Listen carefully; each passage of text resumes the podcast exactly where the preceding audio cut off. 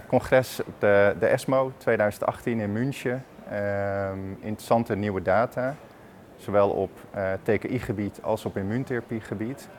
Ehm, TKI, ehm, wat er na osimertinib gebeurt bij EGFR-positieve uh, patiënten in de tumor, maar ook in het bloed.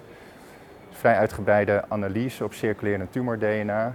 Uh, en dat is totaal anders dan wat we vinden na erlotinib, gefitinib of afatinib. Ongeveer 50, 60 procent van de patiënten een T790M-mutatie hebben, waar je dan een heel mooi medicament hebt, is dat hier veel wisselender.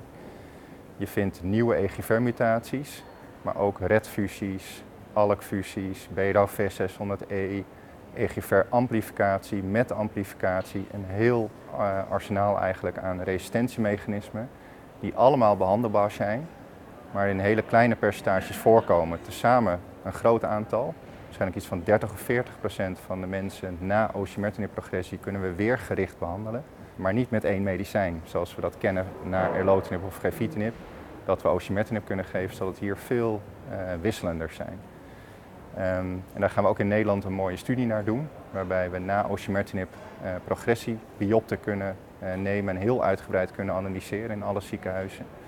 Um, en vervolgens dat koppelen aan heel veel behandelingen. Dus dat was belangrijke data. Daarnaast bij ALK um, eerste lijns data van hoe effectief brigatinib is. Een nieuwe generatie ALK-remmer. Net als bij alectinib was brigatinib een stuk effectiever dan crizotinib, vooral ook in de hersenen. En daarnaast was er data te zien, wat ook al op World Lung uh, was gepresenteerd in Toronto, van bij EGFR-remming als je een EGFR-TKI samen met chemotherapie geeft. Het design van de NVAT-17-studie, die niet uh, goed heeft gelopen in Nederland, was dit een Aziatische studie die liet zien dat het heel effectief is. Dus de vraag of dat ingang gaat krijgen in Nederland, maar toch interessante data dat chemotherapie plus een TKI heel effectief kan zijn.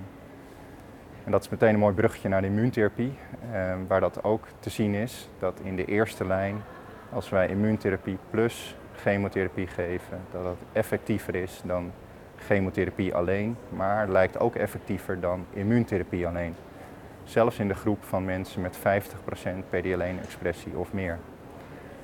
Intussen data van een aantal antilichamen. We weten dat Pembro plus chemotherapie beter is dan chemotherapie alleen. Maar hier op de ESMO ook data van atezolizumab plus chemotherapie, ook effectiever dan chemotherapie alleen. En niet alleen in de niet-plaveien, maar ook in de plavei.